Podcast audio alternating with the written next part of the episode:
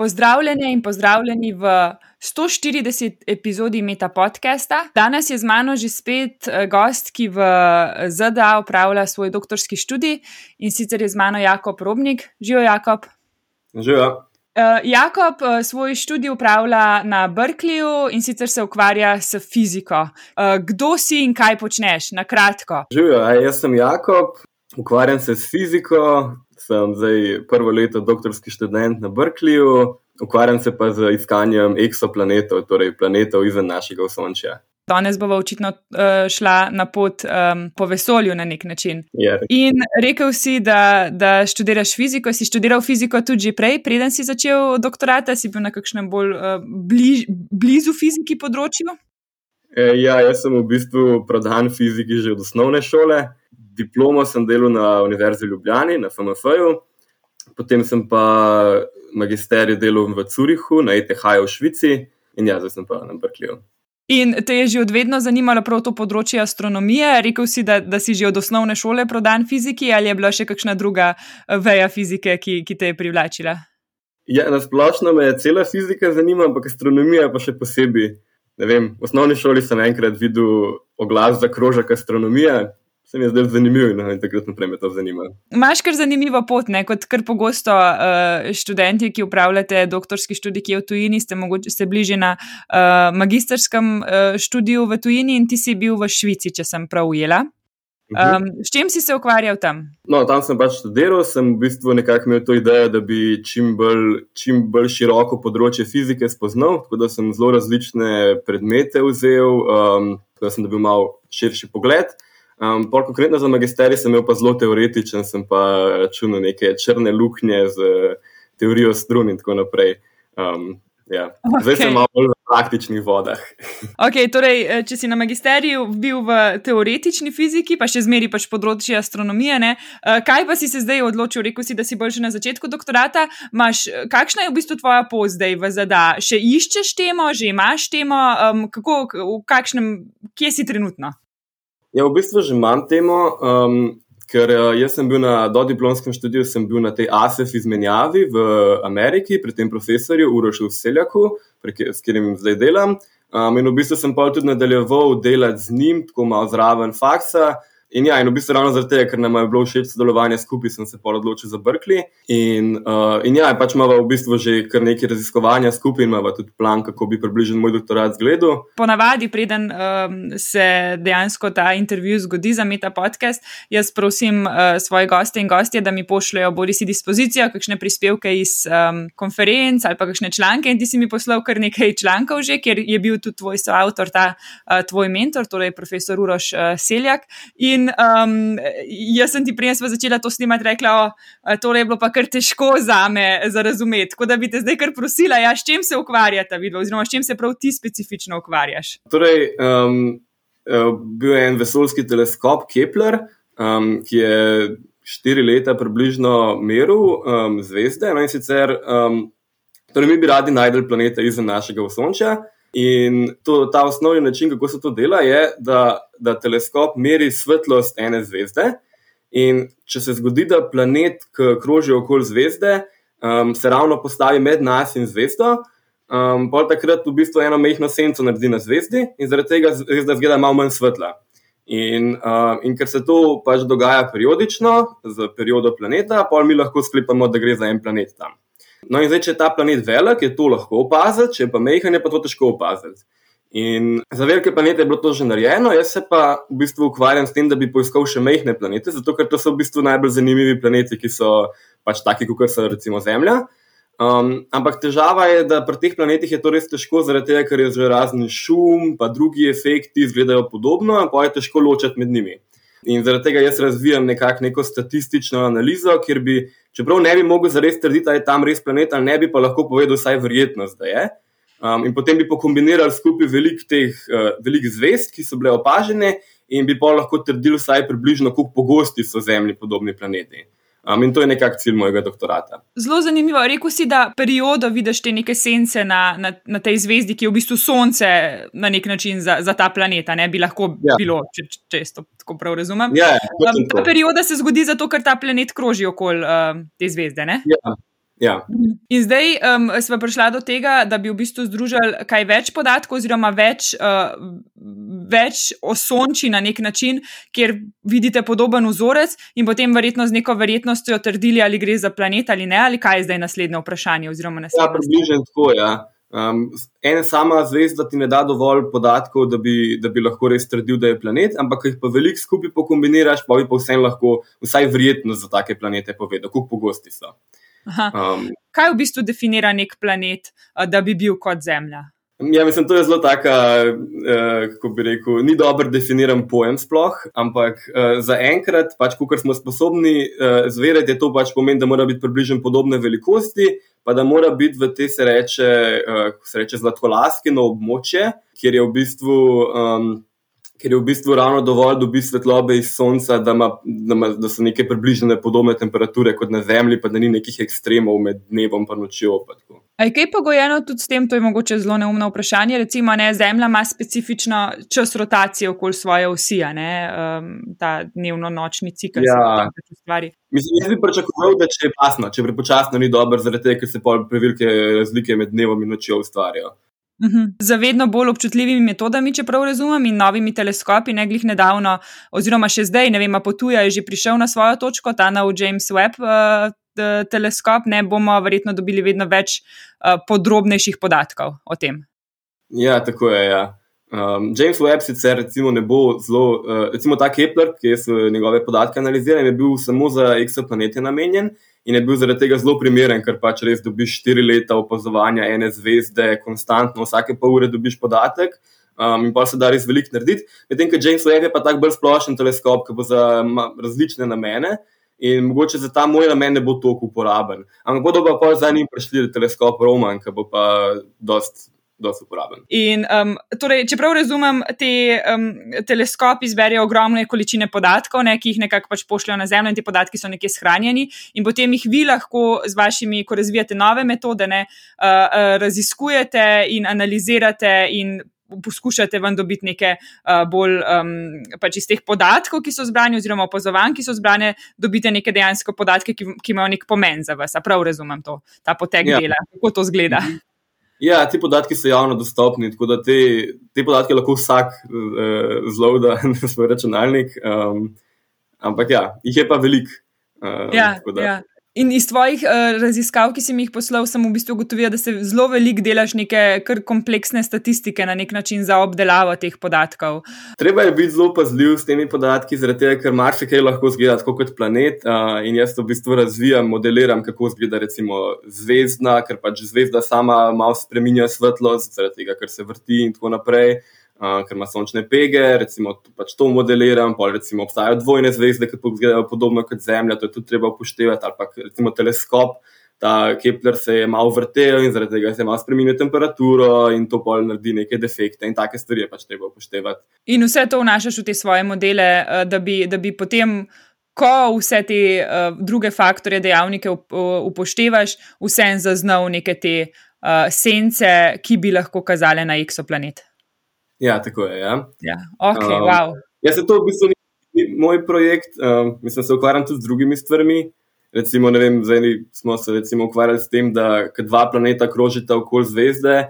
Če so dosti blizu, potem drug drugega malo motita za svojo gravitacijo. Um, in to se pozna na tem, da ne čist periodično pridete čez zvezdo, ampak malo zamaknjeno. Um, in iz teh zamikov se da potem v bistvu sklepati na to, kako sta se ona dva drug z drugim interagirala. Uh, in potem lahko določiš njihovo maso, kar je edinstven način, ker drugače tega ne da narediti iz teh podatkov. In, in zaradi tega je to pol zelo zanimivo. In to smo naredili za en konkreten primer, je bilo kar težko. Um, zdaj pa malo razmišljamo o tem, tudi, recimo, kako bi to razširili, da bi to lahko za več planetov naredili, ali pa potencialno celo, da bi kakšno luno, ki kroži okoli planeta, na ta način zaznali. Te podatki, ki jih dobiš iz, iz tega teleskopa, ne, kakšna oblika so te podatki? So to neke številke, so to neke meritve, so to neke slike, so to neke, uh, kaj v bistvu analiziraš potem? Uh, ja, tukaj je v bistvu cela, cel proces teh podatkov, od tistih grobih podatkov do, do teh, ki so res končno uporabni. Tako da jaz, recimo, v bistvu s temi začetnimi fazami, kjer dobiš dejansko iz vsakega piksla na kameri svetlost, uh, oziroma koliko fotonov se je prejel v kjero sekundo, tega s tem se jaz ne ukvarjam, se v bistvu ukvarjam že z malo predelanimi podatki, kjer pa dobim dejansko uh, vsake pol ure dobim. Uh, meritev svetlosti zvezde. In to potem gledaš kot uh, funkcijo časa. In... Pa še kakšen drug projekt, torej na eni strani imamo uh, uh, zaznavo um, nekih. Um, uh, senc na, na zvezdah, na, na, na soncih drugih osončij, kjer bi lahko kazalo to, da gre za nek eksoplanet, ne, kjer pa, kot si že omenil, ne, v bistvu boste združevali več podatkov, več primerov to vrstnih um, dogajanj, to vrstnih osončij, da z neko verjetnostjo napoveste, da gre za nek eksoplanet, ki bi bil lahko podoben Zemlji. Uh, drugo stvar, ki si omenil, ne, da um, raziskuješ, kako dva planeta, kaj lahko vplivata ena drugega. Ali sem to prav razumela? Oziroma, Uh -huh, ja? Ja. Še, kakšno, še kakšno drugo raziskovalno vprašanje? Uh, ja, no, to so zdaj prav tako konkretna, kako bi rekel, znanstvena. Tako, pa se pa v bistvu ukvarjam še malo bolj z matematiko, um, pa, oziroma statistiko, kjer pa pravimo malo bolj tako splošne metode, kakšne so recimo dobre statistične prakse. Ker recimo pogosto se zgodi, da ima človek neko situacijo, kjer ima dve teoriji, ki bi lahko razložile podatke. Recimo vem, v našem primeru planet ali pa kaj drugega.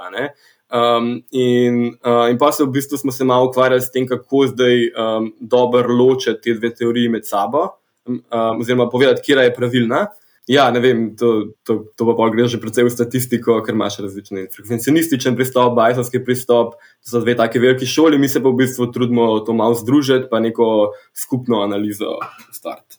Ja, ja, ja se, se, je, se je uporabno polje, ja, so, so to te stvari. Ne. Še eno stvar sem te hodila prej vprašati, pa sem. Pozabila pa sem se zdaj spomnila, rekel si, da je bil ta Keplerjev teleskop od 2009 do 2015, um, nekje je zbiral podatke. Zdaj v teh desetih letih, mislim, že tudi v zadnjih 20-30 letih, se je računska moč, oziroma računalniška moč, ne vem kako se pravilno temu reče, je zelo napredvala. A se to pozna tudi pri tvojem delu? Sploh ne vem, pri, pri tvojem delu moraš uporabljati kakšne te. Um, Mislim, verjetno imaš ogromno količino podatkov in uporabljaš kakšne uh, serverje, kamor potem to naložiš, da, da tam teče ta tvoja analiza ali kako to zgleda, ali lahko to na svojem računalniku. Ja, jaz vam to, jaz poskušam vse najprej na svojem računalniku razviti, zaradi tega, ker je tako veliko lažje. Um, ja, ja. Potem, recimo, eno zvezdo lahko z lahkoto na svojem računalniku obravnavam, pa tudi deset zvezd, recimo, in potem razvijam te metode, da, da so čim hitrejše in da pač čim bolj delujejo. Potem, ko pa enkrat delujejo, pa je pa v bistvu požena na enem superračunalniku na Berkeleyju, ki pa pač je to malo bolj hitro narejeno. Pa se je potem pač tudi te metode raziskovanja v astronomiji, so se potem tudi verjetno sočasno razvijale s temi vedno bolj močnimi računalniki, ki so postajali na voljo. Ne? Ja, sigurno. Mislim, teh podatkov bi res ne bi mogel analizirati brez sodobnih računalnikov. Hm. Um, pa še eno čisto radovedno vprašanje. A obstajajo že kakšni, verjetno obstajajo kakšni prav algoritmi, ki temelijo bolj na machine learningu za analizo teh podatkov, ali, ali se temu izogibate? Ali... Obstajajo, to je v bistvu razlog, ki me je spodbudil, da sem se začel s tem ukvarjati, zaradi tega, ker smo opazili neke nove machine learning postopke, ampak smo pa razmišljali, da to tle pa res tega ni potrebno za res. Um, in ravno zaradi tega sem se bolj to nekako začel s tem ukvarjati, da bi pokazal, da to ni potrebno. Pač machine learning je res popularen in je za mnogo stvari res, res koristen. Ampak uh, tle pa se mi zdi, da je prav en tak primer, kjer pa se da dejansko čisto iz fizike izhajati in pač razumeti vse, kaj se dogaja. In mislim, da kadar je to možno, je to veliko boljše. To se mi zdi recimo problem z machine learningom v zadnjem času, da se ga pač doskrat za kakšne članke vidiš, ki se pri tega uporablja samo zaradi tega, ker je to zdaj popularno. Brez da bi to bilo zares koristno. Ja, je pa verjetno, mislim, če prav razumem, pri tej vaši bolj statistični metodi, ne, um, je na nek način vi, ve, vi poznate vse korake, ki ste jih naredili, da ste prišli do nekega rezultata, da ste nekaj pogruntali. Ne, mm -hmm. Pri mhm. machine learningu se pa lahko zgodi, da imaš neko black box, ne, neko črno škatlo, ja. kjer ne veš točno, kateri podatki so bili izbrani in zakaj si dobil rezultat, ki si ga dobil. Ne. Ja, to, to sicer se trudi v zadnjem času, da bi se to malo bolj, da bi se izboljšalo, da bi se pač ta interpretable machine learning. Pač se dela nekaj na tem, ampak ja, sigurno ni tako dober, kot če ti res razumeš vse, kar si naredil. Evo, še eno vprašanje, preden greva na klasično vprašanje. Um, živel, mislim, živel, študiral si najprej v Ljubljani, potem v Švici, zdaj si v ZDA. Um, kako primerjaš te tri raziskovalna okolja? Se ne vem, koliko si že v Ljubljani takrat uh, delal raziskovalno, ampak recimo vsaj uh, v Švici si rekel, da si bil bolj na teoretično. Ne? Ampak če primerjaš ta okolja, um, imaš kakšno, kakšen zanimiv uvid? Um, ja, torej, recimo opazil bi veliko razliko med Evropo in Ameriko. Saj, kot sem jaz dobil občutek, je v Evropi veliko, saj v, v, na izobraževalnem delu univerze, zelo pač pri fiziki, je velik podarek bolj na teoriji, um, da se res to matematično dobro zna in tako. Medtem, ker raziskovanja se pa ne toliko spodbuja ali pa nekega tako bolj praktičnega razmišljanja, medtem ko v Ameriki je pa zelo to raziskovalno, pa tako neke praktične aplikacije, pa tako, um, je pa malo manj teorije. Zdaj, ko sem se pogovarjal, recimo v Rusiji, je pa še bolj ekstremno teorijo, na teorijo stran. Um, zanimiv se mi je zdaj ta razpon. Drugač pa ja, mislim, da pač ETH pa Berkeley sta večji univerzi, imajo boljše financiranje. Um, sicer tudi, recimo, univerza, recimo fakulteta za matematiko in fiziko ima zelo dobre raziskovalce. Um, in če se zanimaš za ta področje, s katerimi se oni ukvarjajo, po mojem, ni neke hude razlike. Um, Je pa pač razlika v tem, da je na teh večjih univerzah veliko več takih ljudi, imaš boljšo izbiro. Mogoče si mislim tudi, da je, jaz se zdaj ukvarjam bolj s teoretično fiziko, ampak si mislim, da če se bolj z eksperimentalno ukvarjaš, da je še večja razlika, zaradi tega, ker imajo pač tam na voljo boljše naprave. Kako so se od opisa do danes spremenila tvoja pričakovanja glede doktorskega študija in ali bi se ponovno odločil za doktorski študij? Uh, ja, v bistvu uh, jaz nisem imel nekih presenečenj glede doktorskega študija, zaradi tega, ker sem, po mojem, dokaj realno pričakoval, kakšen bo. Um, in bi se definitivno še enkrat odločil za njega, zato ker me zelo zanima raziskovanje in je pač doktorski študij res čas, ko to lahko najbolj počneš. Um, in mi je to res všeč, um, pa tudi to, da si lahko bolj po svoje organiziraš čas. Um, vem, kar me je recimo pozitivno presenetilo, je, da sem pričakoval, da bom mogel eh, dosta učiti, pa nekaj predmete delati, ker sem mislil, da mi bo pa veliko časa vzel, ampak se je zdaj izkazalo, da sem dobil neko financiranje in da tega zdaj ne rabim početi, kar se mi zdi super. ok, super. Um, če bi imel priliko iti na kavo s predsednikom vlade, kaj bi mu predlagal, da izboljša na področju znanosti? Um, ja, ne vem, če je to lik stvar predsednika vlade, ampak recimo ena stvar, ki bi, mislim, da lahko izboljšali, je, da bi um, na dodiplomskem študiju, pa na magisteriju, bolj spodbujali raziskovanje, ker se mi zdi, da bi bilo to koristno tako za ljudi, ki se bolj pozneje nameravajo znanosti ukvarjati, kot tudi za tiste, ki mislijo v firmah delati, zato ker ti da pač to neke um, koristne, koristne veščine. Uh, recimo, vem, zdi se mi bizarno, malo, da se v osnovnih šolah spodbuja te raziskovalne naloge, pa to, na dodiplomskem študiju se pa ne, vsaj jaz tega nisem opazil. Ja, ja, to je kar dober. To sem tudi jaz veliko razmišljala v zadnjem letu, ker sem pač poročala o pandemiji, veliko za slovenske medije. Uh, ravno to, da bi da bi res koristilo ljudem, da bi šli čez kakšno raziskovalno nalogo, klik za to, da vidiš, kako znanost deluje. Mislim, kako sploh neko raziskavo narediš. Ne? Zakaj se ti lahko zgodi, da si sredi eksperimenta pa ugotoviš, da si vse narobe zastavljal, pa ga že zaključiš, pa vidiš le vse pomankljivosti, ki jih je imel ne? in bi zato mogel pač eno iteracijo narediti. Ne? Ja, to je res neko znanstveno razmišljanje. Medtem, Ne vem, vsaj pri nas je bilo tako, da smo veliko delali pač na matematiki, reševali probleme, kar je seveda zelo koristno in nujno pač na našem področju, ampak se mi zdi, da bi bilo dobro tudi ta druga stran, Ali pa mogoče vem, za tiste, ki jih ne zanima toliko eh, neka akademska pot, pa da bi še ne vem v podjetje, pa bi tam pač nekaj delali. Kaj boš počel čez pet let in kje se vidiš čez 40 let? Uh, ja, čez pet let bom ravno zaključeval doktorat, um, tako da bom, po moje, um, nekako že se usmeril v kakšno novo, nove ideje, um, kakšne prihodne stvari, um, pa iskal kakšno pozicijo postdoka. Upam, da najdu kaj v Ljubljani, če pa ne to, pa vsaj nekje v bližini. Ja, čez 40 let bom pa, bom pa že skoraj blizu pokoja, ker pa upam, da bom že, ne vem, kakšni vikendici v Alpah, malo smučil. Pa pa verjetno, mislim, verjetno me bo še vsem zanimala znanost, ki pač delu um, pomaga komu. Tako. Super. Uh, priporočilo za knjigo, igro, film, spletno stran ali podcast? Uh, ja, nedavno sem bral eno knjigo, ki mi je bila res všeč, uh, Nočni cirkus. Um, jaz sem rad take malo bolj mogoče fantazijske knjige in ta je bila res taka, te popelje v ta magičen svet, tako da mi je bila res všeč. Pa tudi audiobook obstaja, ki je v bistvu bral isti bralec kot Harry Potterja, tako da bi tudi to priporočal. Uh, koga od nam znanih ali neznanih bi povabil na večerjo, če ne bi bilo nobenih omejitev? Ja, če ne bi bilo res nobenih omejitev, pa bi verjetno koga, ki je že umrl, bilo pač nekaj edinstvenega, ne vem, recimo recimo Jezusa, on se mi zdi, da bi mi znal kaj zanimivega povedati. Zdaj, sigurno ne bi povabil nobenega znanstvenika, ker, ker pač od njih lahko berem članke, knjige, ampak um, bi verjetno koga, ki bi vem, tako, vplival na moje življenje um, na drug, pač bolj osebnem nivoju. Hvala, Jakob, da si si vzel čas. Hvala. Meta podcast z doktorskimi študentkami in študenti ter podoktorskimi raziskovalkami in raziskovalci je del projekta Slovenian Scientists Around the World, Where Our Ships Are in the USA, ki ga v okviru programa NGO Small Grants sofinancira veleposlaništvo ZDA v Sloveniji. Poslušali ste Meta podcast, v katerem se pogovarjamo z mladimi znanstveniki in znanstvenicami z različnih področji znanosti. Podcast domuje na spletišču metinalista.si, kjer najdete tudi druge zanimive znanstvene vsebine. Naše delo lahko podprete z donacijo Metini listi, pohvale, pripombe in predloge lahko posredujete po e-mailu znanostafna.metinalista.si. Dobrodošli so tudi komentarji na Facebook profilu Metina Liste in na Twitterju Afna Metina Lista, kjer uporabite hashtag MetaPodcast. Se slišimo čez 14 dni.